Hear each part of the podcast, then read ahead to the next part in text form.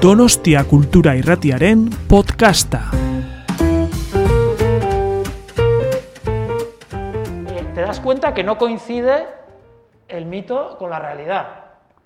Que, por ejemplo, siempre se dijo que Bartali salvó a Italia de la guerra civil en el año 48. También sabéis esta historia que Bartali en la Segunda Guerra Mundial eh, sus entrenamientos en realidad eran movimientos clandestinos para llevar documentos para salvar a judíos, para darles pasaportes falsos, para salvarlos de la deportación. ¿no? También se decía que en el año 48, cuando hubo un atentado contra el líder comunista Togliatti, y en Italia empezó a haber huelgas, manifestaciones, ocupaciones de fábricas, entró el ejército, hubo muertos, Italia estaba al borde de la guerra civil, y se cuenta que el primer ministro de Gasperi llamó a Bartali, que estaba en el Tour, que estaba mal estaba séptimo a más de 20 minutos, solo quedaban los Alpes, y le dijo, Gino, gana una etapa, porque tenemos que distraer a la gente ¿no? con alguna buena noticia. Bartali ganó las tres siguientes etapas en los Alpes, ganó el Tour con una diferencia escandalosa. ¿no? Bartali tenía 34 años, estaba en declive en teoría, y siempre se dijo, mira, la llamada del político, y Bartali lo dio todo por su país y tal. ¿no? En las crónicas de esos días, claro, y se dice, bueno, los conflictos, los disturbios se, calmaron, ¿no? La gente se abrazó para celebrar el triunfo de Bartali en vez de matarse unos a otros, ¿no? Esa historia no está ni en las crónicas de esos días, ni en las primeras biografías de Bartali, cuando él habla de esto, ni siquiera menciona eso. Ese mito de la llamada de De Gasperi. Lo curioso es que cuando el mito empieza a tomar fuerza, 40 años después el propio Bartali sí lo cuenta y dice, sí, cuando me llamó De Gasperi y podemos estar bastante seguros de que esa llamada no existió, porque hay memorias de políticos, hay declaraciones, ahora no me voy a meter en detalles, pero esa llamada probablemente no existió, pero el mito quiere eso, ¿no? Y eso es muy interesante, saber qué quiere el mito, qué dice de nosotros, qué dice de Italia el mito, ¿no? Siempre está la historia de Italia en el fondo. Bueno, uno, la hemeroteca. Dos, eh, las entrevistas, ¿no? En febrero de 2020, antes de la pandemia, como nos íbamos a ir a viajar a Italia, yo dije, bueno, voy a ir adelantando algunas entrevistas. Quiero entrevistar a un ciclista que ha protagonizado grandes episodios en el Giro.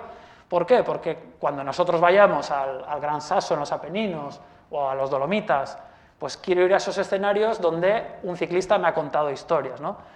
Cogí el tren, fui a Durango. ¿Sabéis a qué ciclista fui a entrevistar? a Marino, ¿no? Es un jeroglífico.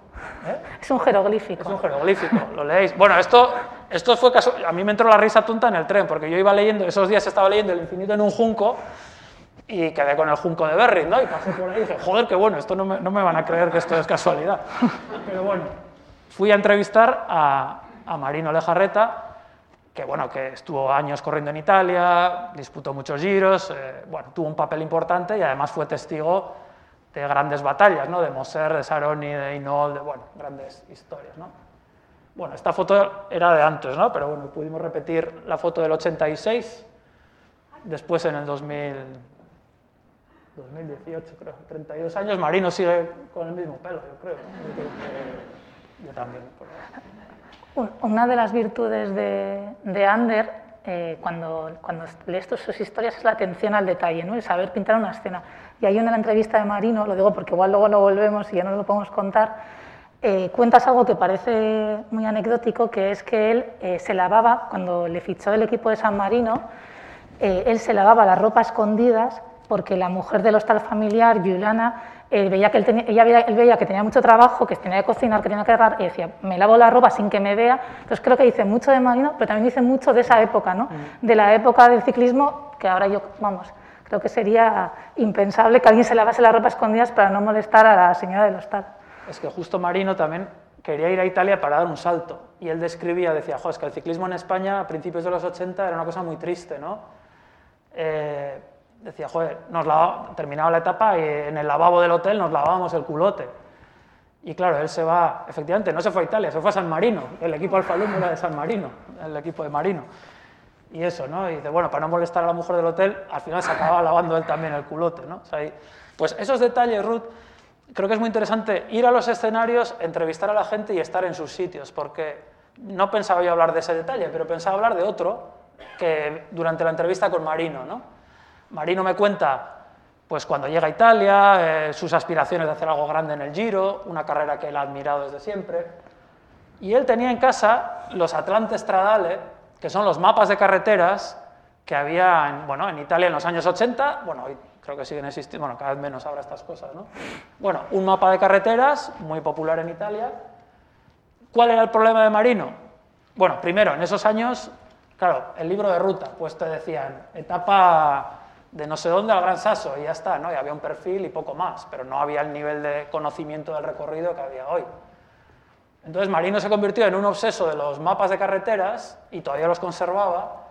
Y él me iba explicando y me decía, mira, es que esas curvas de ahí, por ejemplo, claro, los que tenemos ya una cierta edad, como para que nos pongan casi la Pfizer, pues en los mapas de papel sabemos que cuando hay una flechita, quiere decir que hay una subida hasta el 6%, ¿no? Suele ser. Si hay dos flechas, 10%, y si hay tres flechas, pues un repecho muy duro, ¿no?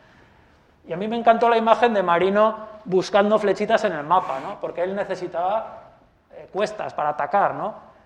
Y en los giros de esos años había muy poca montaña, porque los ídolos eran Moser y Saroni, los grandes ídolos italianos, grandísimos ciclistas, pero que no eran buenos escaladores.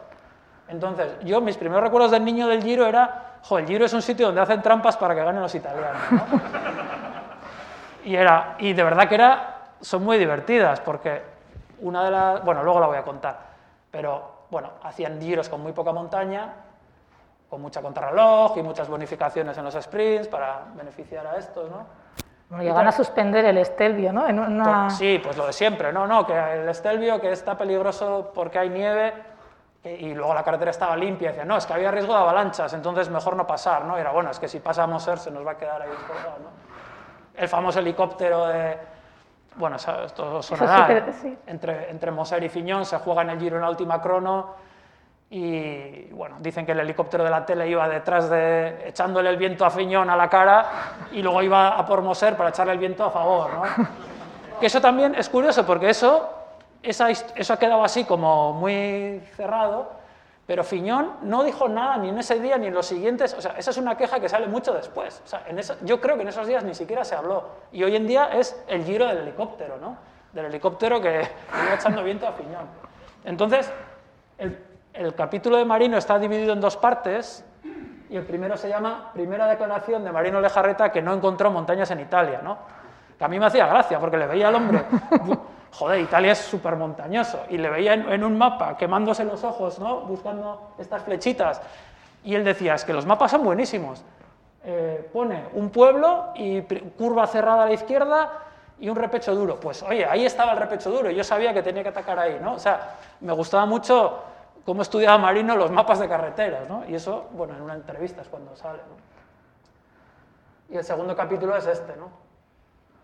Segunda declaración de Marino Lejarreta que encontró una montaña demasiado grande, ¿no? que es bueno, aquel, aquel giro del 91 que pensábamos que iba a ganar, que estuvo muy cerca todo el giro de Chioccioli, estaban Buño y Chiapucci también por ahí, y no, no pudo ganarlo ¿no? al final.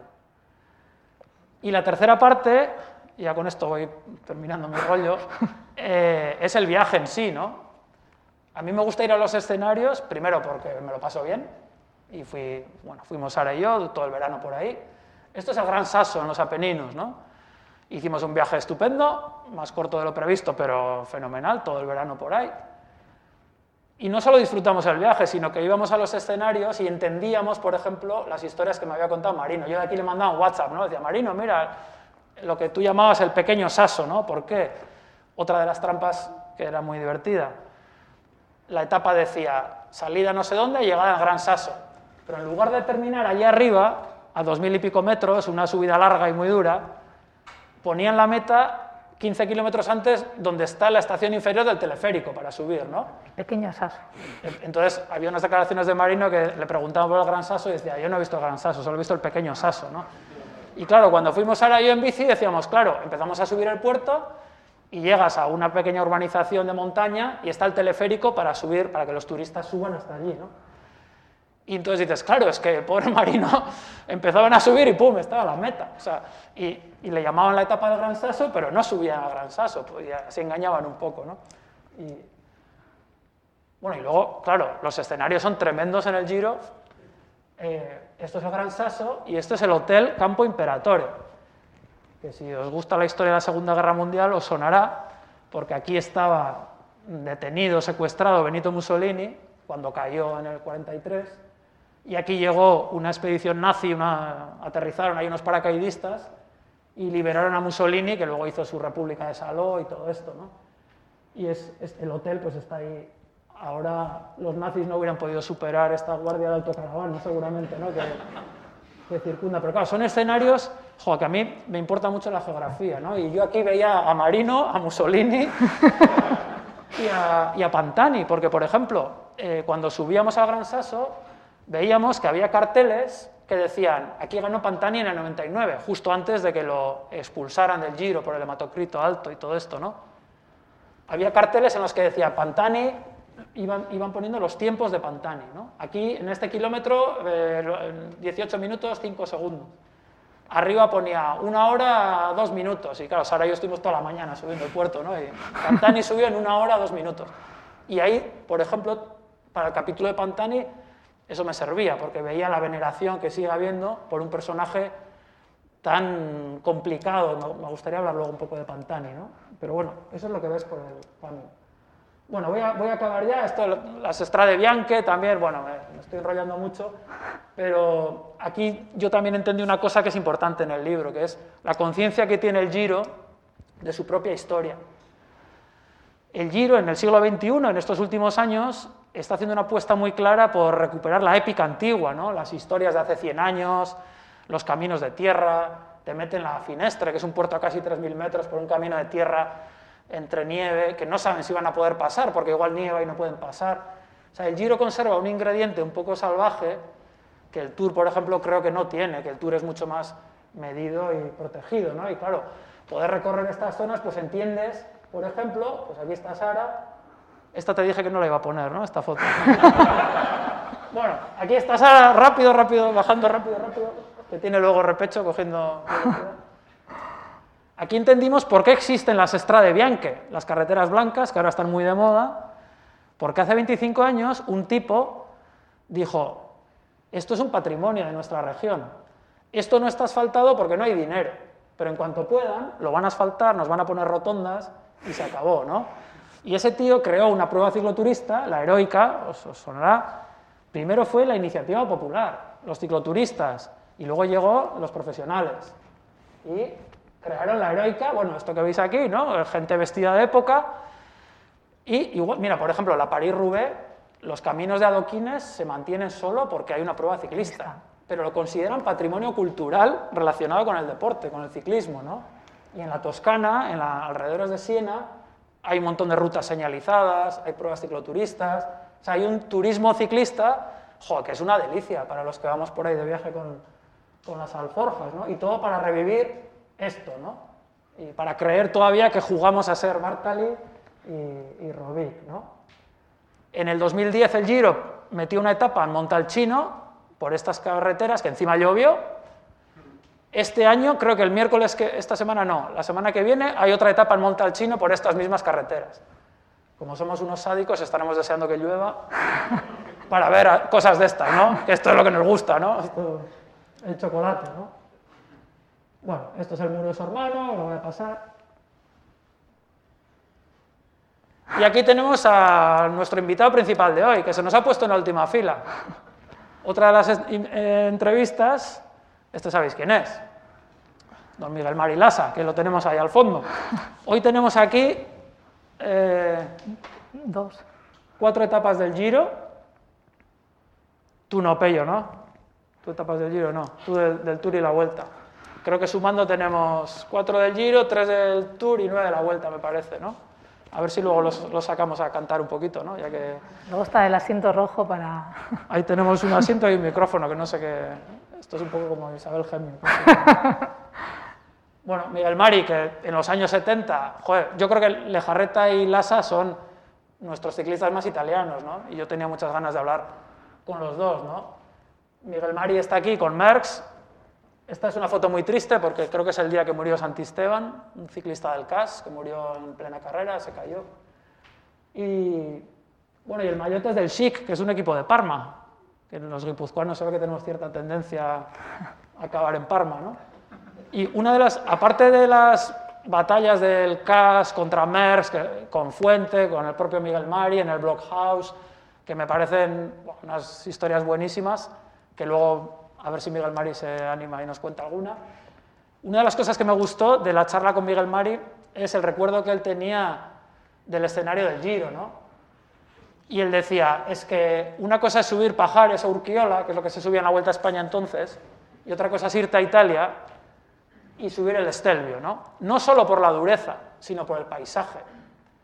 Y el contagio es que te impresionaba, ¿no? Ver encima de ti estas murallas, estos glaciares que parece que se te van a caer, ¿no? Esto es el año pasado. Este es Kelderman perdiendo el Giro el año pasado. Se le están yendo ahí delante Hindley y, y Tao ¿no? Claro, si tú estás perdiendo el Giro y ves lo que tienes ahí delante, pues esto no es solo dolor de piernas, ¿no? Seguramente bueno, Miguel Mariel sabrá, yo esto he venido aquí a hacer turismo, pero seguramente esto te, te impone, ¿no? O sea, el Giro tiene un, un, ingrediente muy importante en el escenario, ¿no? Y que te relaciona directamente con, con Coppi, joder, es que esto es la primera subida al Estelvio fue donde Coppi ganó su quinto Giro, ¿no? Era una cosa salvaje meter por ahí el Giro, pero es lo que siguen haciendo hoy en día, ¿no? Bueno, esto hoy en día no creo que lo, que lo hicieran, ¿no? Pero bueno, entonces se hacía, ¿no? O sea, el Giro es una carrera en la que puede haber una avalancha, por ejemplo, ¿no? Y eso en otras carreras no... Bueno, hoy en día está más medido todo. En el, en el, Tour se suspendió una etapa hace dos años porque hubo una avalancha, una riada, ¿no? Pero el Giro creo que tiene un punto de aventura todavía más salvaje, ¿no? ¿Lo dejamos con Florinda? Venga, vamos a dejar la Florinda Parenti con nosotros. Bebe agua, no sangre de buey. Eh, yo quería preguntarte, antes hablabas, hablamos un poco de la picaresca italiana, ¿no? de Torriani y su cancelación del Estelvio, de la gente que empuja. El, el título de, que mucha gente me ha dicho, pregúntale por qué ha puesto, eh, evoca por un lado bueno, el protodopaje, ¿no? como un dopaje casi simpático y rudimentario, eh, pero también ese carácter salvaje del giro del que estabas hablando ahora, ¿no? que, lo, que, igual es un poco la esencia del ciclismo, ¿no? que un deporte que sucede en sitios salvajes en los que pasan cosas así. Y sobre todo, sobre todo hace ciento y pico años, ¿no? que eran, joder, esos capítulos yo creo que son muy resultones porque nos hablan de un mundo que ya no existe, que es muy, muy bestia, ¿no? y de unas pruebas, o sea, el ciclismo era un, una prueba de supervivencia, o sea, eran pues, etapas de 300, 400 kilómetros, caminos de tierra, salían de madrugada. El, primer, el, primer, giro empezó a las dos y media de la madrugada. ¿Por qué? Para que por lo menos los primeros pudieran llegar durante la tarde siguiente y la gente que estaba esperando en la ciudad los viera, porque si no iban a llegar de noche. ¿no? Entonces, es, yo me he divertido mucho escribiendo este libro porque las aventuras son tan divertidas y son tan... Cuando se van, en 1907, dos años antes del Giro, se organiza el Giro de Sicilia, porque un millonario dice, vamos a hacer un giro de Sicilia. Y es una aventura divertidísima, pero que es una aventura que tiene que ver más con asaltadores de caminos, con, sí, que con el deporte casi, ¿no? Es muy exótico, muy, muy, y muy violento también, ¿no? Y la mentalidad de aquellos ciclistas era muy distinta, porque lo que era, iban a, a sobrevivir, ¿no? Y entonces hablaban mucho, en, el, en Plomo en los bolsillos también pasaba, una cosa que se repetía era la obsesión por la comida. Es que queríamos comer al máximo, porque claro, ¿cuál era la teoría de rendimiento y de entrenamiento en esa época? Come todo lo que puedas para aguantar esto, ¿no? 20 horas con una bici de 15 kilos por un camino de tierra, ¿no? Entonces había, bueno, no era dopaje porque no había una ley antidopaje, ¿no? O sea, luego tomaban anfetaminas, tampoco era dopaje porque era, oye, cada uno toma los medios que puede, o sea, no estaba ni socialmente mal visto, ¿no? Se medio hablaba. Entonces, ¿cuáles eran las primeras? Bueno, cuando no había anfetaminas, pues creo que era Binda el que presumía de que en un Giro de Lombardía se había comido 34 huevos crudos. Ganó con 20 minutos de ventaja, igual con 17 huevos le hubiera bastado, ¿no? Pero era lo que, y por ejemplo, es gracioso que no comían nunca pasta, porque decían, como tiene almidón, eso te endurece los músculos. Hay que comer filetones, huevos y mucho pan y mucho queso, ¿no? Y bueno, pues cuento lo de... ¿Y, ¿Y, cuántos fumaban? Sí, fumaban. Bueno, Bartali decía que le, que le, relajaba el ritmo cardíaco, ¿no? Fumar. Estos días os habrá llegado al WhatsApp una foto que, bueno, está mal, sale, mira, este está fumando en la Vuelta a España, bueno, es el Tour, bueno, da igual. Yo no, no, no me creo que el del WhatsApp esté fumando, pero eso es otra historia.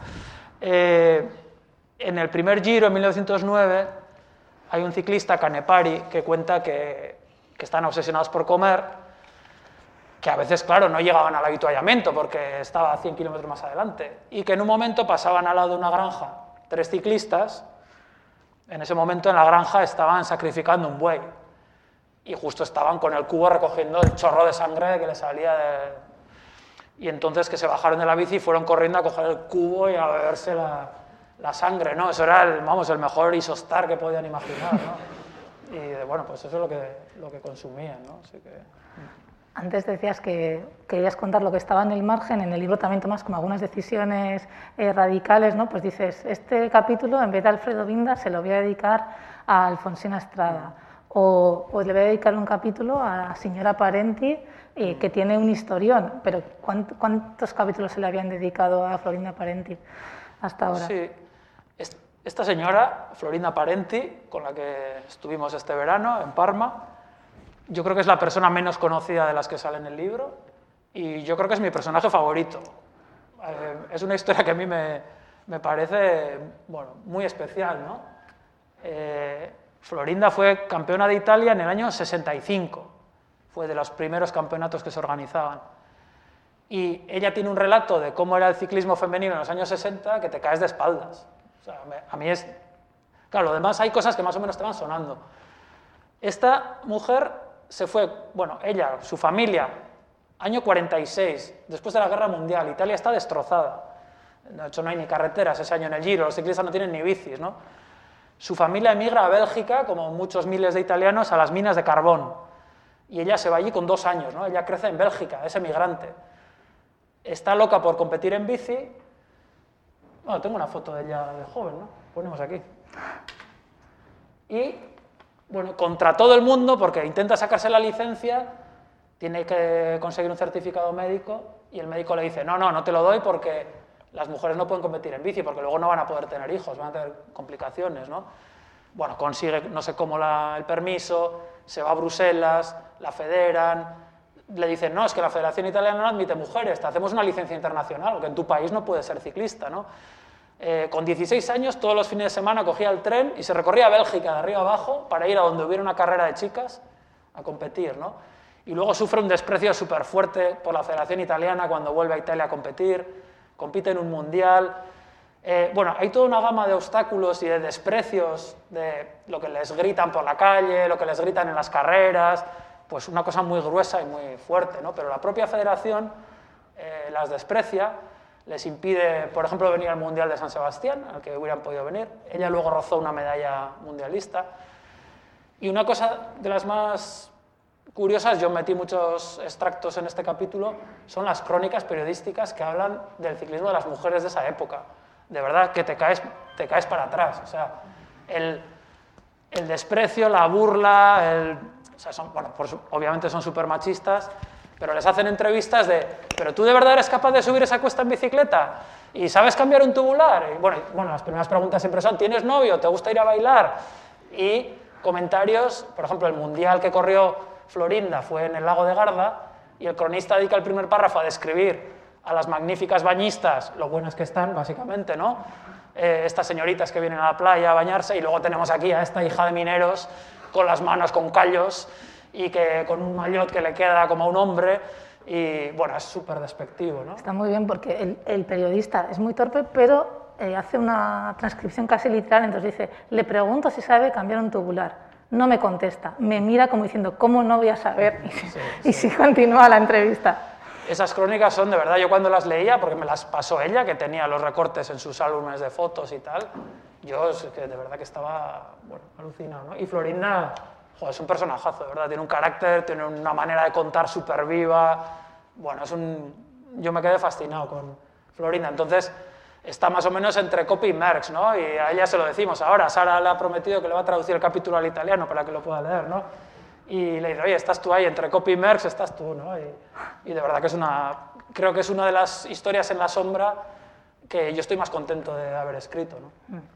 Y otra cosa que tiene en común en el libro es que lo atraviesa como la clase, ¿no? O sea, tenemos desde el primer ganador del Giro, eh, que era albañil, Gerardengo, que era como un símbolo, porque era como la posibilidad de prosperar, ¿no? Tú dices, esa combinación de miseria y esperanza que no se va a dar nunca.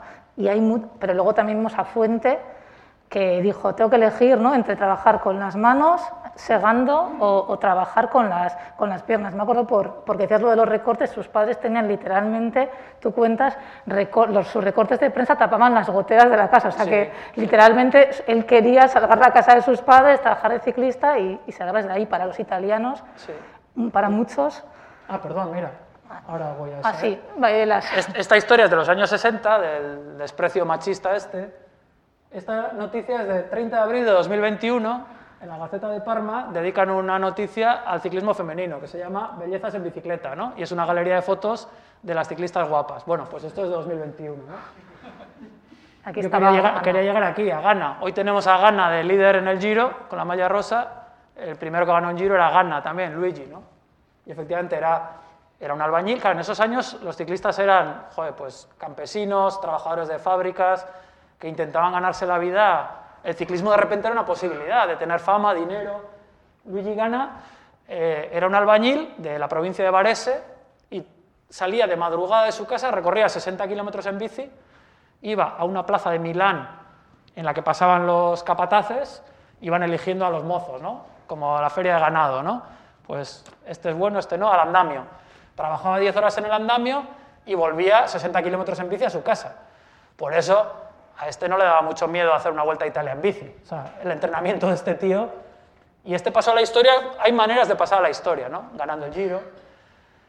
Y me gusta mucho la frase que dejó, ¿no? Porque, claro, termina el giro, el primer giro de la historia, 2.500 kilómetros por caminos de tierra, todo traqueteando, y el periodista de la Gaceta de los Sport le dice, oye, te van a leer millones de italianos, diles qué se siente al ser el primer ganador de la historia del Giro. Y dice, me arde el culo, ¿no? Eso, es la manera de pasar la historia. Esta es Botequia, bueno. Oye, yo... Sí, dime. No, no, no, di, no, dime, no, no, no, Sí, di tú, di tú. yo te iba, eh, te iba a preguntar también, porque... Eh, como estamos hablando también de periódicos, la relación, la simbiosis que hay entre, entre los periódicos y el ciclismo, ¿no? que lo fundan periódicos para vender periódicos, pero luego también en Italia cómo se ha cuidado, cómo se ha mandado a los mejores escritores, el Corriere de la Sera que mandaba Dino Buzzati, a Idno Montanelli, que hay una vinculación entre la literatura y el ciclismo que hemos hablado alguna vez por las capacidades también literarias y metafóricas que tiene el ciclismo. Y estas historias que estás contando ¿no? demuestran un poco eso. Ahí, en Italia hay una tradición, o había, bueno, todavía sigue habiendo, ¿no? Eh, eso, lo que has dicho tú, mandaban a los mejores escritores de la época que no, no sabían igual de ciclismo, o les gustaba como aficionados. Los mandaban al Giro a escribir crónicas, y fue Dino Buzzati, fue Indro Montanelli, fueron muchos, ¿no? Eso habla muy bien del prestigio que tenía, porque ¿qué, pasa con el deporte? Que desde el mundo de la cultura o de la intelectualidad a veces se ve como el engañabobo, el pasatiempo ¿no? de la gente que no tiene cerebro, ¿no?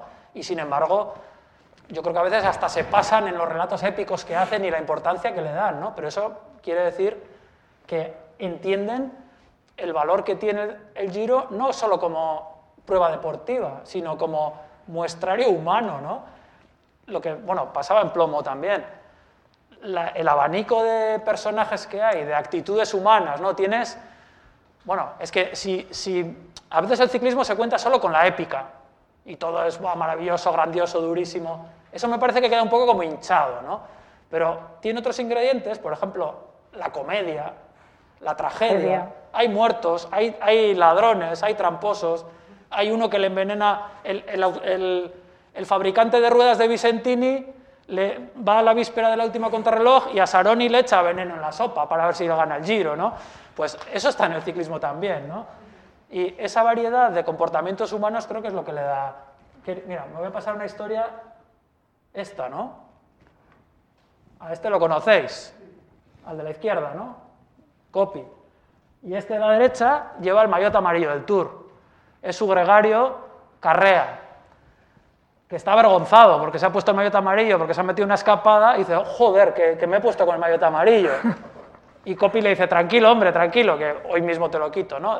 Eh, fue la primera vez que llegaron a Alpe la primera vez que fue el tour, llegó vestido de amarillo Carrea, se lo quitó Copy, pero llegó de amarillo Carrea. Carrea, hay un dato que a mí me alucina. El día que se vistió de amarillo y que fue al d'Huez, pesaba 30 kilos más que cinco años antes. ¿Por qué? ¿Porque estaba gordo? No, porque venía del campo de concentración de Buchenwald. O sea, Carrea estuvo, eh, bueno, lo deportaron los nazis y estuvo a punto de morir en un campo de concentración. Llegó a casa después de un viaje de cinco meses después de la liberación, que es ese, ese viaje ya es una odisea, ¿no? Van con un, roban un caballo, se lo comen por el camino, su padre no lo reconoce cuando llega porque pesa 40 kilos o 30, bueno, en fin. Y en el equipo de Copy después de la guerra hay un ciclista que está en un campo de concentración, otro que ha estado con las milicias fascistas, otro que ha estado como partisano comunista.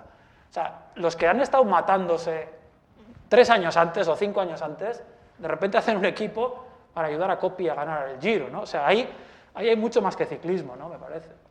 Que ahí, no sé si tienes una foto de él o no, pero a mí uno de mis, los personajes más fascinantes me parece Magni, ¿no? Que es el, el tercero de Copy Bartali, el que parece que siempre gana eh, de chiripa y me parece que tiene una historia que merece que ser compartida. Sí, Magni tuvo muchos problemas Mañi fue un grandísimo ciclista, ganó tres giros, ganaba todo tres, ¿no? El, Tour de Flandes tres veces, el Campeonato de Italia tres veces, era el tercer hombre después de Coppi Bartali, eh, pero su mayor aventura estaba fuera del ciclismo. Durante la guerra él fue un voluntario de la milicia fascista, ¿no? para que no lo mandaran a la guerra, por lo que sea, por conveniencia, por convicción, pero cuando acabó la guerra, claro, él había estado en el bando que había perdido y bueno, estuvo fugado porque temía que lo fusilaran, ¿no?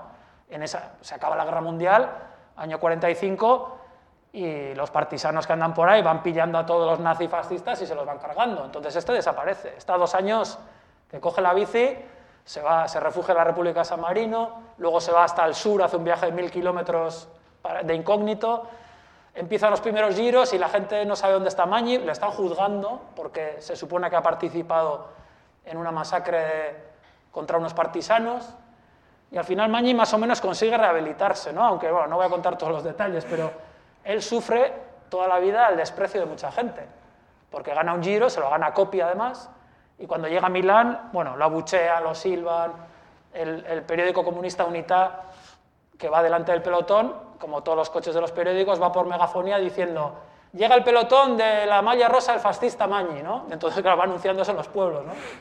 Y Mañi luego era un tipo muy, muy, especial, muy especial. También se hizo ganar luego el, cariño de mucha gente en los años siguientes.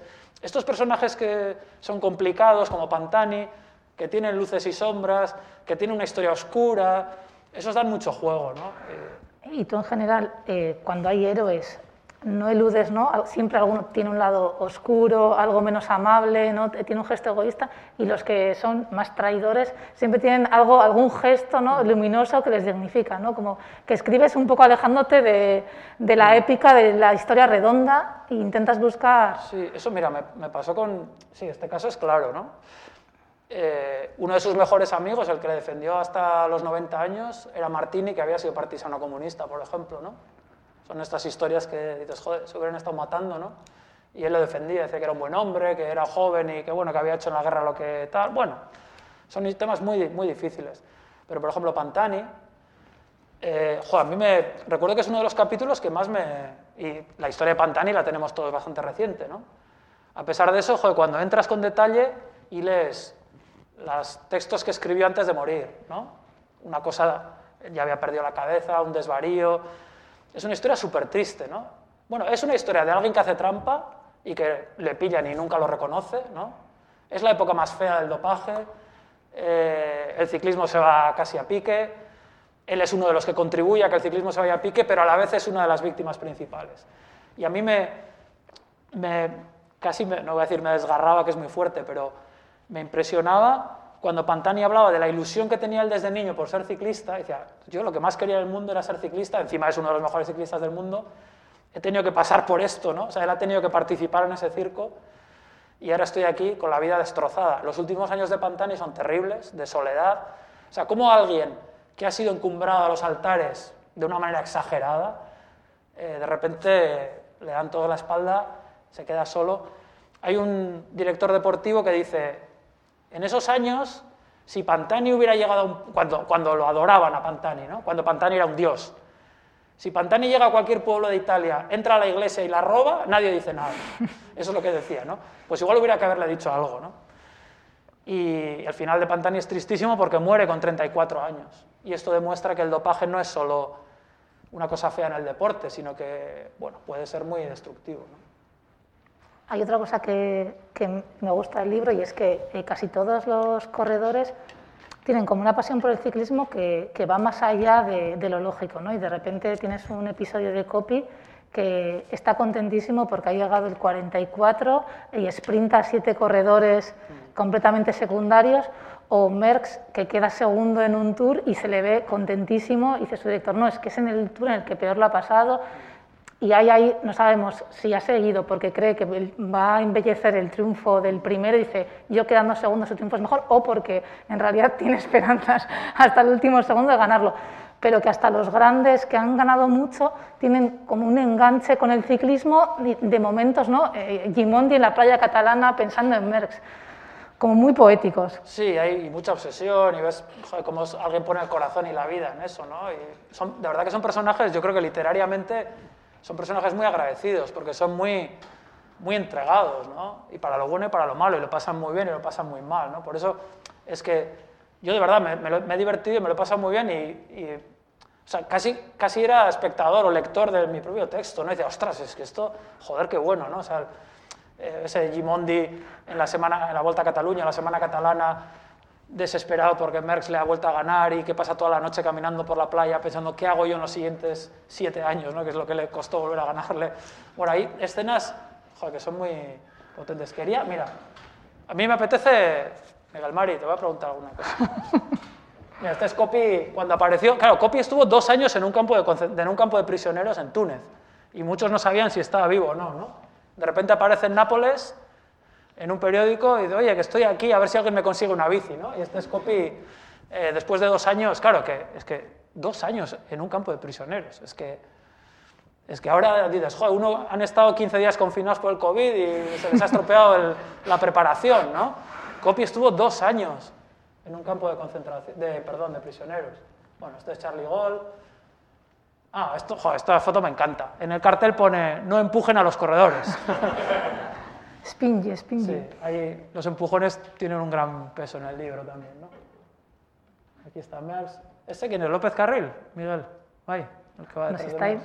si está ahí Merckx, yo creo que es el momento de que una de las pocas personas que puede decir ¿no? que, que dio guerra a Merckx está en esta sala, yo creo que podría venir y Sí, contarnos solo algo, un ¿no? momento antes, que quería llegar, a- a- quería cerrar ya los bueyes. Bueno, aquí está Fuente, también nos puede hablar Miguel Mari, de bueno. Este de la izquierda es Pachi Alcorta, tu tío, mi tío abuelo, el que inventó esto de lanzar los cohetes de la Real y el del bar Iruchulo. Hizo una apuesta, bueno, hubo una prueba de arrastre de bueyes en el muelle y él dijo que invitaba al ganador. Y cuando fue el propietario de los bueyes, dijo, no, el ganador han sido los bueyes. Entonces metieron a los bueyes al bar y les dieron sangre de buey, no, pero les dio de beber vino en un cubo. Entonces, lo- el título del libro no lo teníamos hasta casi una semana antes de mandar el libro a la imprenta, ¿no? A mí no se me ocurría el título. Y de repente luego he descubierto que tengo un montón de... Tenía un montón de señales del destino. Una familiar, que eran los bueyes dentro del bar Iruchulo, y otra de este pasado invierno, cuando la- creo que era la tormenta Filomena, que hubo una nevada, salió este señor en la tele. Ander Izaguirre se dedicaba a sacar coches con bueyes en Urrechu. Tendré que ir a visitar a este, a este chaval. Bueno, eh, sí, vamos a volver a, A Merckx. a Merckx y a los Ks, ¿no? Miguel Mari, ¿vienes a contarnos algo o qué? ¿Te animas? Aulkiba da kagu mikro bat hemen, etorri nahi baduzu, etorriko zea? Venga, etorri. Venga, Miguel Mari.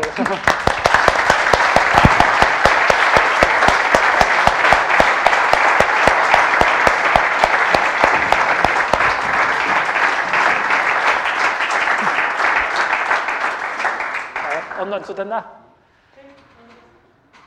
Esto es un poco un atraco, ¿eh? Seri, seri. Si tú has puesto algo en el libro, ¿para qué voy a contar? que, que lo compre, ¿no? ¿Piztuta dago? Bai. Oye, que digo que también está... Que... Bai. Iz- Piztuta dago hemen, A ver, agortu pixkat. Hola, a ver, bai. Ez da entzuten. Ez, bau, piztuta dago, orain, bai. Vale.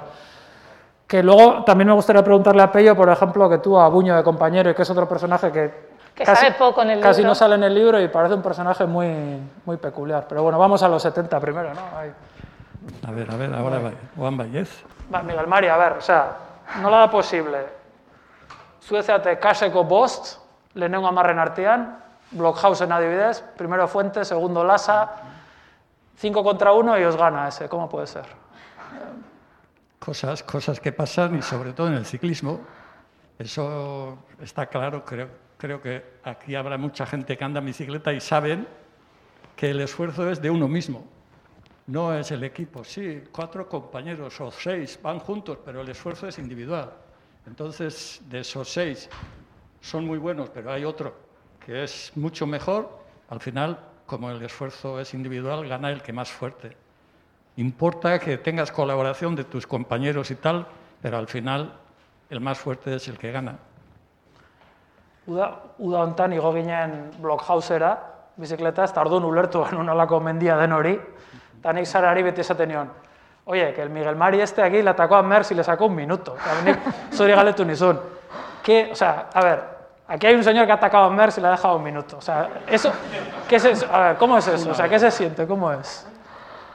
Bueno, eh, nosotros llevábamos una ventaja a él porque habíamos corrido la Vuelta a España y aunque son 20 días, todavía mantienes algo de forma si estás físicamente bien. Y fuimos todo el equipo, pues la mayoría por lo menos, que habíamos corrido la Vuelta. Y esa etapa de Blockhouse era pues la cuarta o la quinta de- de- del Giro y tenía otra particularidad que era un puerto prácticamente casi el puerto, porque creo que la etapa tenía 60, 70 kilómetros y era nada salir un puertico y luego ya Blockhouse, que es interminable. Entonces, pues nosotros dijimos, bueno, aquí nosotros venimos bien, estamos todos en forma y uno que quiere ganar el Giro normalmente empieza un poquito más pausado, no llega en plena forma, ¿no? Entonces, pues nosotros llegábamos allí y estábamos andando, Fuente, ya sabemos, o se descubrió posteriormente que era un fenómeno subiendo, Carril lo mismo, Galdos, Lazcano, yo estaba entre ellos y empezamos desde la salida a todo lo que daba el equipo y llegamos al pie del puerto pues ya casi asfixiados y entonces pues empezamos uno u otro, un otro, atacó Fuente, ya se fue y Edi, Edi, que era el que tenía que ganar el Giro, como luego posteriormente ganó, pues iba por él, a por él, y nosotros pues íbamos no silbando, pero íbamos bien al ritmo que imponía Merckx en aquel momento, y al final cuando faltaban cuatro o cinco kilómetros dije yo, le hablé con Carril que, venga, intenta, y me pegué y me fui, esto parece de, cuento, es un cuento, porque atacarle a Merckx y dejar así no parece ni real, ¿no? Pero ocurrió eso, pero vamos, fue la gloria de un día solo. A mí me dijiste una frase que está en el libro que es, muy jodido lo tuve que ver para, para atreverme a atacarle. Sí, también él, también él sufría, eh, sufría, pero tenía otra capacidad. Podía decir que tenía otra cilindrada, otro motor y, y luego muchas más cosas seguramente que nosotros todavía no alcanzábamos a lo que él tenía, porque él se veía que, que cuando arrancaba era, era muy superior a nosotros en todos los terrenos. y para ti, ¿qué era el Giro como carrera? Tú fuiste a Italia a correr también un año. Bueno, tú has estado hablando mucho del Giro y yo creo que bueno, estaba totalmente de acuerdo. La gente de Italia, la gente de Italia, bueno, reconocemos a muchos porque se ven aquí muchos italianos, se les distingue por la simpatía que tiene, porque son graciosos, te están diciéndote cosas a la cara y digo, ¿y usted de qué me conoce? Pero te caen bien, te caen bien. Los italianos tienen, tienen algo especial. Entonces, el ciclista, pues, cuando vas allí a correr una carrera y te vienen dos o tres con unas fotografías y recortes de periódico y tal, y este si no me ha visto nunca aquí a mí en Italia, pero te vienen a pedir autógrafos y tal y te llena. Y luego el ciclismo estaba, estaba muy considerado, muchísimo más adelantado técnicamente en, en todo lo que le rodeaba al ciclista. Nosotros habíamos corrido algún giro anteriormente y entonces pues, me sentía muy a gusto corriendo allí y por eso pues intenté participar en un equipo italiano y estuve, pues, yo creo que donde más feliz estuve porque, porque te consideran y entonces tú con tu trabajo, si te ves así agradecido, bien considerado, pues, pues mucho mejor todavía. ¿Y el Estelvio? ¿Qué tal es el Estelvio subiendo en carrera? Cuando ves para El arriba. Estelvio sí. es muy bonito cuando has puesto aquí en la, en la pantalla, ¿no? Pero para subir también es bonito, también es bonito porque es, porque es una subida que no ves lejos. La, la recta más larga no sé, tendrá 100, 150, 200 metros porque es totalmente zigzag, zigzag. Y entonces parece que va a la salida de esta curva, bueno, ya, ya he pasado otra. Y venga, otra curva, y otra curva, y otra curva, y al final Mm. pues no sé si tiene tantos desniveles. Hoy hay en día puertos que tienen mucho más desnivel que, que el Estelvio. Lo que pasa que allí tienes que tener en cuenta que también estás a 2.700 metros. Y una vez de 2.000 metros ya te falta el oxígeno y parece que vas bien, pero miras al piñón y si, si no voy, si no, si, no, si no camino, te falta, porque lógicamente el oxígeno es el que te, te- te está alimentando el motor, ¿no? Pero si te falta el oxígeno, por eso ahora se ha puesto tan de moda que todo el mundo se entrena en altura, Mm. para habituarte un poco a la escasez de oxígeno. Cuando aquí bajas, pues tienes más rendimiento. El, el Stelvio, el Stelvio es, eh, lo curioso es que ya te comenté a ti, que estás tú pedaleando y le estás sintiendo a Bertolio y Galdos que iban, pues no sé, dos minutos o tres delante tuyo y parecía que te estaban cantando aquí arriba, porque era una rampa que tú ibas pim, pam, pim, pam, pero en desnivel no habría ni 100 metros. Es, es- es un puerto muy bonito para subir de cicloturista, pero compitiendo y, y con el gancho no es tan bonito. ¿no? Zerbait galdetu nahi duzue, Miguel Mariri, edo... Yo quiero Está, está puesto todo en el libro. En el libro os explica todo lo que, Ya no hace falta lo que lo os compréis, interesa saber del y del Giro y todo. Yo quiero preguntarle, en la etapa que salió de Cosenza, después lo de Black House, que de- no veíais el equipo de Merckx, estabais como pues, tomando el café de la mañana y no aparecía, y luego de repente los visteis sudorosos y que habían, que habían hecho el puerto para calentar, ¿qué pensasteis ahí? Pues lo que he dicho antes, que iban técnicamente adelantados en Italia, este era un belga, pero el equipo italiano, entonces ellos estudiaron la carrera y seguro que se estaban riendo. Digo, mira estos españolitos que están aquí relajados, tranquilos, y cuando salgamos, que de salida había un puerto ya, ya les arreglaremos. Y ellos, efectivamente, pues estábamos allí todos tranquilos. Oye, el equipo Molteni, ¿qué pasa? Que no aparece nadie. Estábamos todos allí después de la firma y cuando faltaban cinco minutos llegaron todos en banda y nos dimos cuenta que estaban todos empapados de sudor. Digo, adiós. buena tenemos, buena tenemos. Y efectivamente de salida pues se pusieron tres o cuatro allí a todo cisco. Nosotros íbamos allí, pero luego nos relajamos un poco porque Fuente, que era el que, que estaba líder, pues iba con él. Y dijimos, va, que le lleven a rueda y nosotros ya pararán si le llevan a rueda. Pero le soltaron, le soltaron a Fuente también. Pero Fuente, como era tan, tan optimista, o no sé, era inconsciente, tranquilos que le pillamos, tranquilos, esos caerán, esos caerán, dentro de 20 kilómetros le pillamos. Sí, le pillamos, pero ya cuando llegamos a, a la meta ya estaban duchados. y- casi, casi. Nolako bazan, fuente? De la luna, ¿no? Que le decía, que la Ahora luna, hay- le afectaba la luna. Tú has comentado ahora que hay unas fotos de la época del 36 y tal, que hay gente que está fumando. Mira, este es más reciente, pero Sí, sí. esto es verdad. ¿eh? Es- las fotos esas que andan por ahí no sé si son verdades, Ah. lo pongo en duda, pero esto sí, este sí. De noche, ¿no? En el hotel, a ver, cuando estaba nervioso. Sí, sí, sí, sí.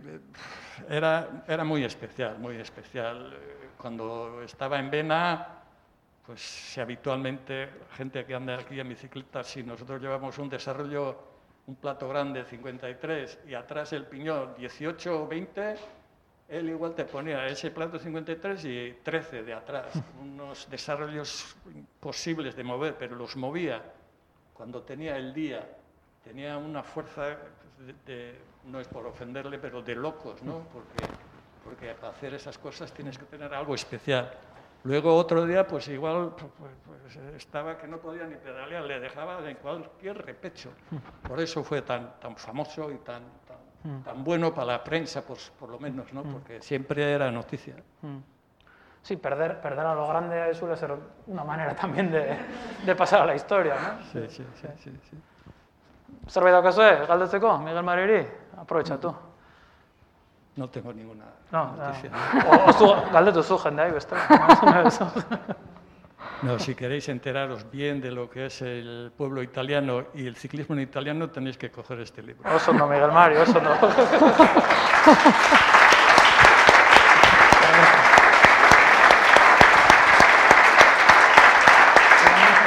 Venga, ¿Hay en la sala, hay en la sala alguno que haya corrido en el equipo de Buño? de Buño y de Fiñón. De Buño y de Fiñón, pero como estamos hablando... Sí, bueno, Fiñón, claro, ganó, Fiñón no- ganó dos giros. Ello, ¿vienes a contarnos un poquito algo o qué? No quieres, ¿no? Se resiste. ven, ven. Au, eskukoa.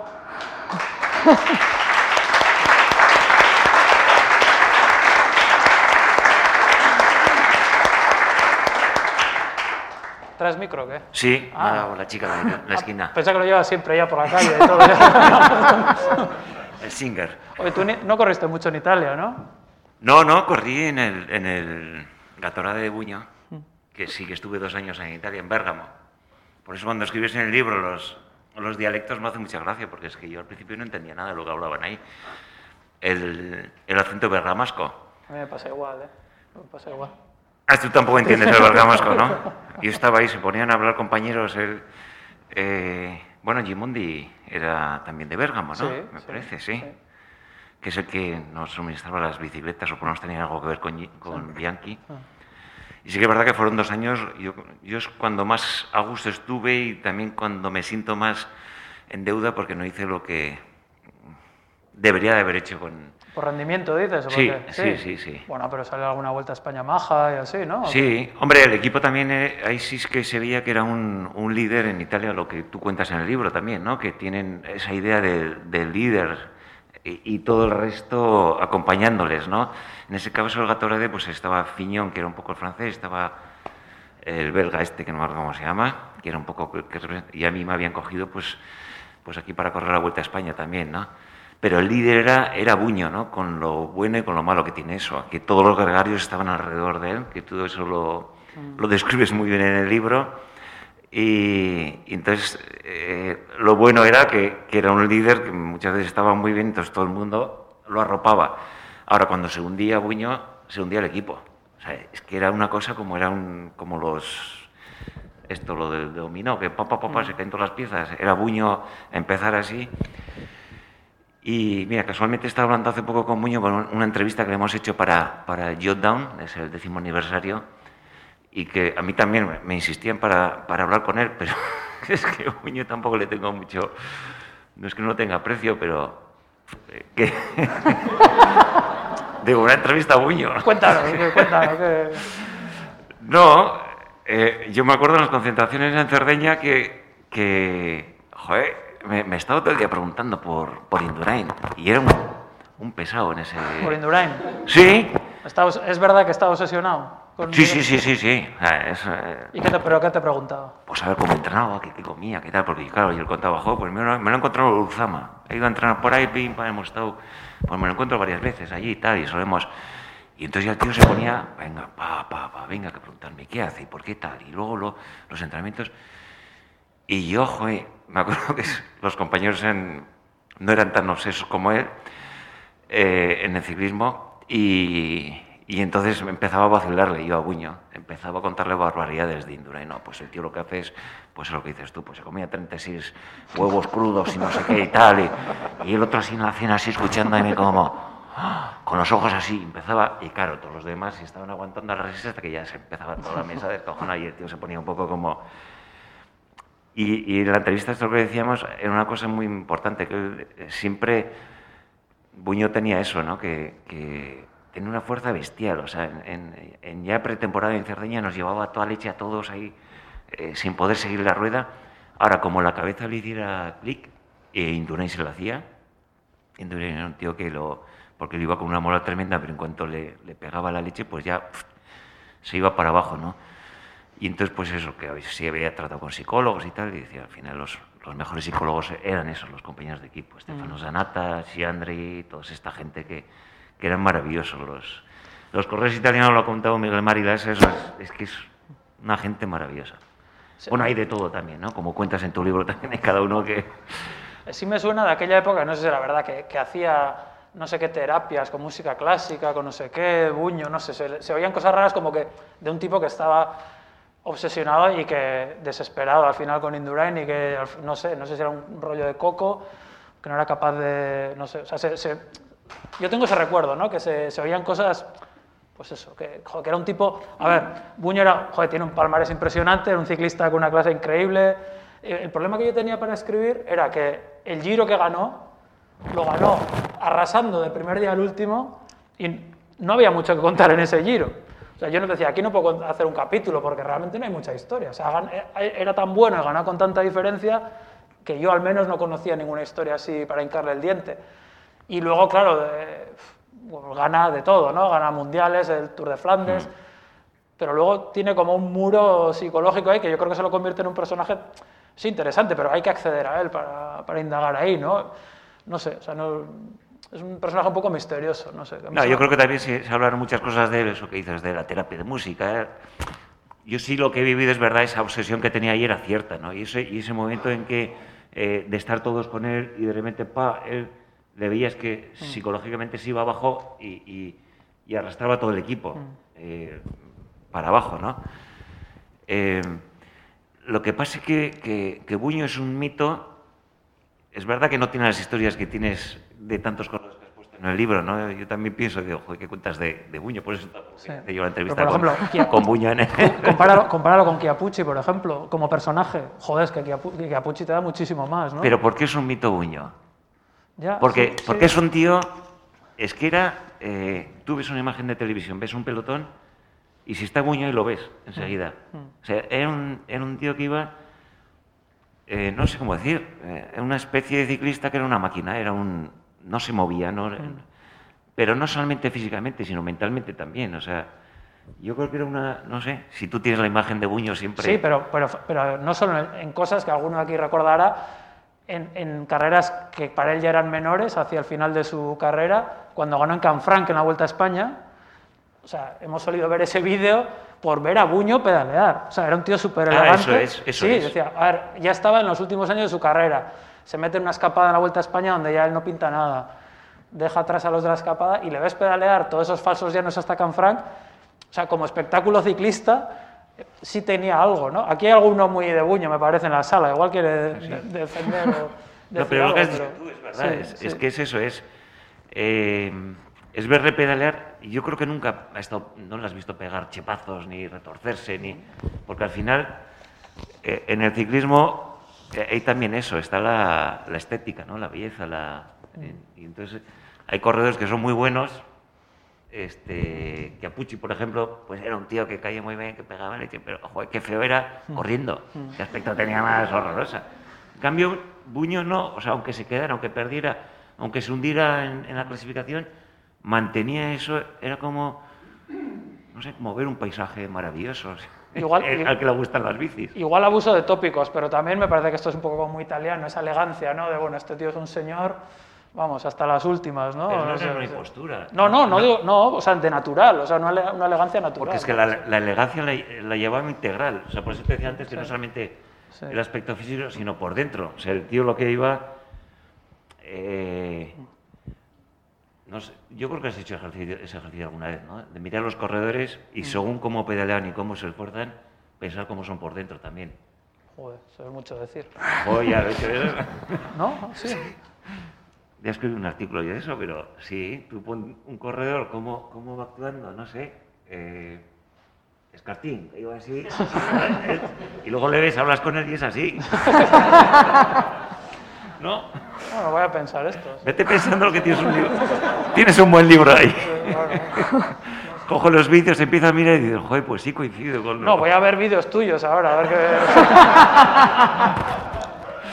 a ver qué Pero- conclusiones... Cabroncete, ya sabes. Sí, sí. Y ahora de los ir a rueda y luego a levantarnos. Bueno, puede, puede ser, sí, es verdad. Puede, sí puede ser. Miguel Mari también era más zorro que yo. Más zorro, sí. Sí, era de esos también de ir así escondiditos. Que por cierto, me has traído un ídolo porque gracias a él también yo. Bueno, tengo dos, a ti a, y a él. Porque es gracias a él y a Perurena, pues eso, yo también anduve en bicicleta. Hay una historia de esa inteligencia de Lassa en carrera que me gusta mucho, que es cuando ganó una etapa del Tour en Biarritz, porque terminaba en una pista que era de ceniza, me parece, ¿no? La del hipódromo. Y a la hora de elegir el desarrollo para sprintar, no sé si era Ras o no sé quién era. Claro, o sea, él conocía y sabía que había que entrar con un desarrollo un poco más ligero porque el firme era más, ¿no? Porque te hundías un poquito más que si fuera asfalto y él conocía la llegada y le ganó el sprint a Ras porque, bueno, conocía el hipódromo y cómo tenía que entrar y con qué desarrollo y estas cosas, ¿no? O sea que yo alguna vez te he leído, Miguel Mari, que decías que, que ganabas más por la cabeza por fijarte en cosas que por piernas, ¿no? Que tenían que estar las piernas, obviamente, no sé. No, no. piernas tenías muchas, pero cabeza también. No, pero sí que es verdad, Miguel Mari Lassa era de esos de ganar a base de, de ir a los rivales y esperar un momento. Que hay, hay un personaje también en tu libro que es, bueno, un personaje, un ciclista, que también hablas de eso, de que ganaba muchas carreras. eh, bueno, joder, el último. Eh, Nibali. corriendo todavía en el Nibali, Nibali. Nibali, no me salía el nombre. Sí, yo creo, el mira, el- yo tenía tentación de terminar el libro con Pantani, porque a veces me parece que para que las historias funcionen bien necesitamos un poco de tiempo, que pase un poco de tiempo. Pero me, Nibali me sirve porque creo que es un ciclista con conciencia de la historia. Él siempre dice que iban en el coche con su padre escuchando una canción de, sobre Moser. Eh, tenía siempre a Gimondi como referencia. Y como ciclista a mí me encanta porque creo que ha conseguido más de lo que conseguiría con su nivel físico, porque es un tío muy testarudo. Aunque esté muerto, ataca aunque sea cuesta abajo. Ataca cuando está mojado. Aparte que baja increíble. O sea, tiene unas cualidades que igual físicamente no es el mejor, pero el, el- el giro que gana cuando se cae Cruisby contra la nieve, que estábamos allí ese día, ese, yo es que lo, Lo cuentas aquí. Sí, lo, faltaban dos o tres días para acabar el Giro y él estaba a cinco minutos, se había quedado en todos los puertos del Giro y en el añelo se iba descolgando de los últimos. O sea, yo decía, nadie es capaz de pensar que este tiene ninguna posibilidad de ganar el Giro. ¿Qué hace el tío? Llegan a dos mil y pico metros, que él en, en altura es muy resistente también, es un ciclista de fondo, ¿no? Es la última semana. El tío mantiene el ritmo, mantiene el ritmo, los, los fuerza, se tira cuesta abajo Kruisvik, dicen, joder, qué mala suerte que se cayó. Bueno, se cayó porque Nibali forzó en la bajada entre, Claro, sí, entre sí. muros de nieve. o Y, sea, se, y se pegó el revolcón ahí en la... Claro, pero Nibali provocó eso. Él no era el más fuerte, pero provocó una situación en la que sacó de la carrera a los otros. o sea, entonces, joder, eso me parece un ciclista como a la antigua, ¿no? Y muy... Bueno, tú en el libro también sacas todo eso, ¿no? Todos los tipos de ciclistas que hay, que son como los tipos de personas que hay también en la, en la vida, ¿no? Y hay el alocado que va atacando y que tal, que tiene una fuerza bestial y que no consigue, y otros que son más... Y por ejemplo, no sé si conociste a, a Cima. Cima era, era un corredor, corrió en, en tu época, ¿no, Miguel Marí? Y, y él se iba a ver los puertos, los que has contado antes de Marino, pero en exagerado, porque él iba a ver los puertos, iba allí con pintura, iba marcando en los puertos donde iba a correr Vuelta a España, lo que fuera, iba marcando y la pendiente y tal, y dejaba marcas de dónde tenía que arrancar de su distancia. Toma GPS, ¿no? Sí, sí. Entonces, claro, iba ahí ta, ta, ta, mirando y cuando llegaba a la naranja, ¡pama! Ya sabía la distancia que tenía. Hay una versión mejorada de esto que hacían los italianos con la foto esta de los empujones, que eran, pasa en el capítulo de Magni con los empujones, que colocaban estratégicamente a los amigos en el puerto, donde, claro, eso pasaba en el muro de Sormano, que era casi imposible de subir en bici en los años 60, y Baldini, que era un contrarrelojista, y, y hizo un tiempo excepcional, y el, al periodista le reconocía, es que en Sormano si tienes muchos amigos, subes muy rápido, yo tenía muchos amigos. Esa picaresca está muy... o esa Bueno, trampa. ¿no? Bueno, y que en el año 2000, no sé qué ciclista era, las primeras palabras que aprendí en italiano, ¿no? Eran Spingi, spingi, spingi. spingi, spingi, ¿no? Eso aprende. Claro, yo creo que los ciclistas sabéis decir empújame en todos los idiomas, ¿no? Push, push, push, push, push. Sí, yo, claro, digo, a ver. No, pero a mí lo que me, Spingy. me ha hecho es que, claro, tú vas contando toda la historia. Bueno, es- el libro es precioso, estás divertido, me parece que escribiendo el libro porque te lo pasas muy bien leyéndolo. No sé si habíamos hablado, venido a hablar de tu libro. Pero eso, eh, claro, empiezas con, con finales del siglo XIX, principios del siglo XX, y claro, yo lo voy leyendo como, como si fuera eh, algo totalmente ajeno, ¿no? Pero claro, yo he sido ciclista al final y al final vas viendo cosas que, coño, esto tiene que ver conmigo. Y cuando dices lo de las cadenas, digo, eh, joder, esto ya no es de color- fotos en color sepia ni nada, esto yo lo he vivido, yo lo he visto. Ya sabes de un valenciano que hacía eso, que tiene muchos amigos también. y ahí en el Sorret del Catí, esos puertos que había así duros, pues también tenía muchos amigos ahí que le hacían la cadena, tenían, ya estaba todo programado. Y muchas cosas que se van, eh, que se van acercando ya a lo que tú estás viendo, ¿no? Y, y que parecen muy lejanas, pero, pero se repiten, ¿no? Yo también quedé una vez con el Aita en la subida de ahí a Urquillaga, en una carrera de aficionados que se pusiera en cierto punto porque yo sabía que no iba a pasar con el grupo. Y- y estaba ahí, ¿eh? Yo, por ejemplo, sí que hacía en, en alguna carrera ya cuando iba reventado, porque eso lo veo como vas poniendo, ¿no? Que al principio pues hay una reglamentación muy laxa y bueno, eso da como que no se controla mucho. Luego ya cada vez van poniendo más. Yo sé de gente que ha subido eh, puertos enteros a agarrar al coche al día siguiente de ganar la etapa. O sea, sprinters que venían tal, bueno. Luego ya los, los jueces, cada, en, las cosas han ido poniendo más rígidos cada vez y los, jef- los jueces se escondían, o sea, se van a agazapar detrás de una roca y entonces a ver si alguien se agarraba o si tal, no sé qué, y pim, pam, y apuntando y todo eso, ¿no?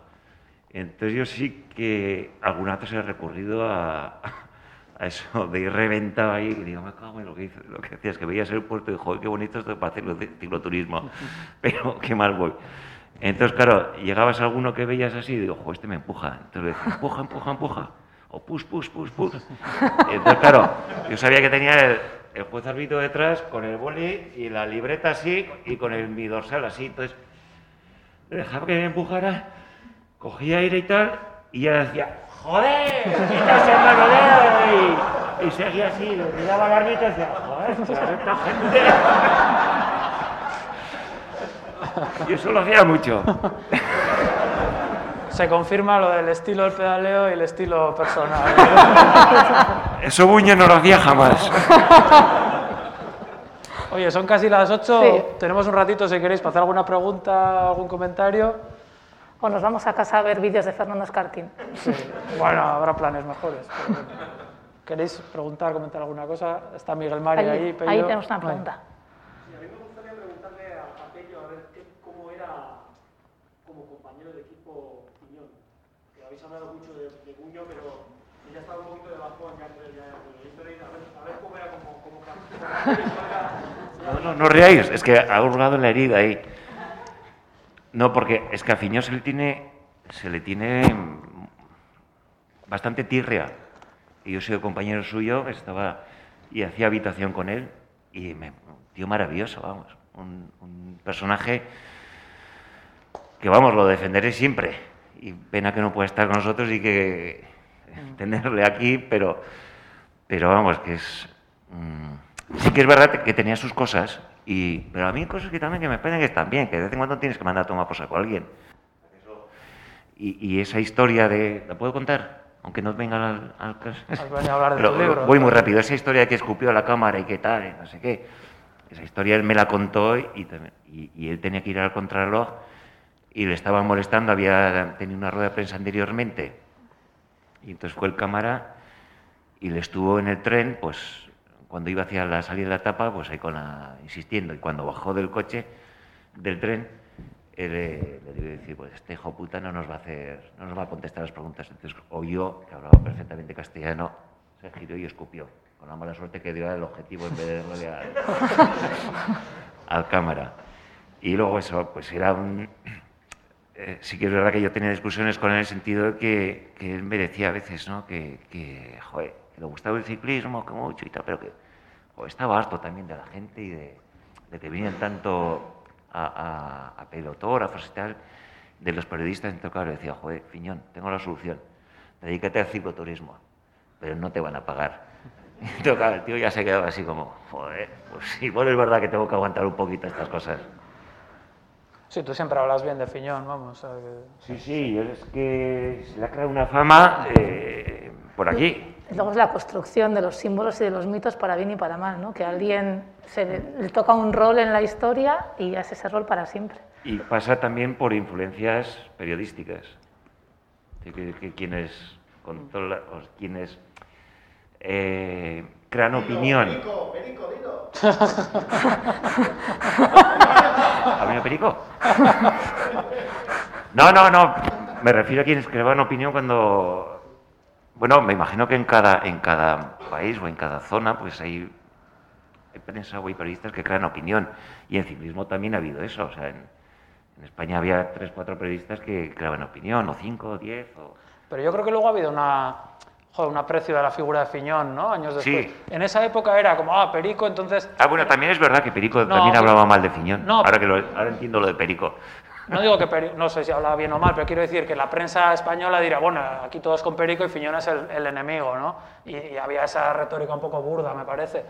Pero yo creo que luego sí hay un, aprecio por Fiñón como ciclista los- después, ¿no? O igual en esa época era como el ogro. Han pasado muchos años, ¿eh?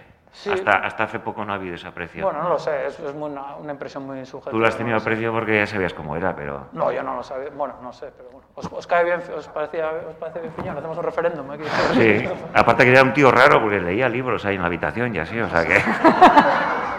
Eso sí, eso es para, vamos, para darle... Su autobiografía está bastante bien. Hay, hay algunas escenas, por ejemplo, cuando van a correr la Vuelta a Colombia, que, que es un desmadre, que es divertidísimo, pero bueno, ya la leeréis. Después de este libro podéis Ay, sí, leer la... claro. Bueno, Bueno, Galderarik, ¿alguna pregunta? Bello, yo en cambio de Lemos oye muy buenas cosas, ¿no? Entonces me gustaría, si pudieras hablar de la, ane- de la anécdota que tuviste con él, en una etapa. Sí.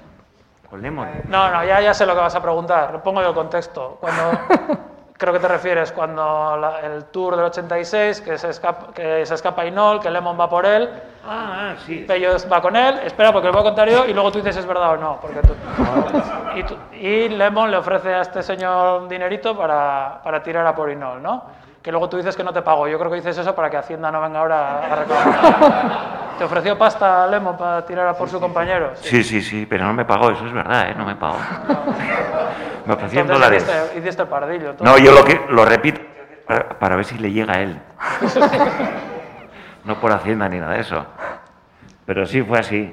En ese momento pues estaba y no por delante, entonces no podía tirar. Y yo iba a tirar igualmente, o sea, estar ahí en la, en la salsa, joder, a mí me encantaba eso. Y además una etapa de Alpes, o sea, que, vamos, hubiera tirado de cualquier manera. Más me viene ese diciendo, oye, pues Peterio, pues bueno, vale. Pero me vio así tan confiado que luego no, no, lo he vuelto a ver desde entonces. Sí le vi en la foto en meta, así agarrando la mano de Inol y entrando los dos en el pedido juntos. Digo, míralos, míralos. Qué falsos somos todos. Que eso también viene muy bien en el libro. Es que el- está muy bien el libro, joder. Es que hay que decirlo. Está muy Yo bien. tampoco te voy a pagar. o sea, Ah, que ya no te veo más. Desde- después de hoy ya no te vuelvo a ver. No, pero lo he pensado porque al final el ciclismo, joder, yo lo conozco, pero el cabrón este te mete por unos. Te va enseñando. Es como cuando vas en bicicleta, que vas viendo el paisaje y dices, joder, qué bonito todo el paisaje. Y de repente este te para y te dice, mira, para. Mira ese, el- la lombriz esa como anda y tú te quedas ahí, joder, qué bonito. O sea, es como, mira ese camino, porque vamos a meternos por ahí. Te va metiendo yo que conozco algo de ciclismo, pues eso, te va llevando por sitios y el que no conoce, de todas maneras, como has hecho spoiler del libro ya, sí, no creo que lo vaya a comprar de aquí nadie. Además nada. Has no- contado todo no ya. tiene ni, ni fotos ni nada. no Que va, sí. Quedan muchas historias, no hemos contado el bocadillo, el envoltorio, el plan, muchas Las historias que ya... Pero lo que, que lo que ha dicho eso falla mucho el libro, Aray, que que, no tiene fotos. no tiene fotos. Ni Bueno, por eso he traído yo aquí algunas. Oye, que se nos está Sí, echando la son, hora. son las 8, eh, bihar aurkezpen ona da, eh, tolorzan topiken zazpitan, jo ziztu eta handiarekin. Y no sé dónde sigue más el World Tour de cómo ganar el Giro. Bueno, creo que haremos alguna en Bilbao. Como está la situación un poco rara, todavía no tenemos muchos planes, pero ya iremos anunciando si queréis mandar a alguien, si no os habéis arrepentido. Es que ricasco, paciencia, Gati. Sé.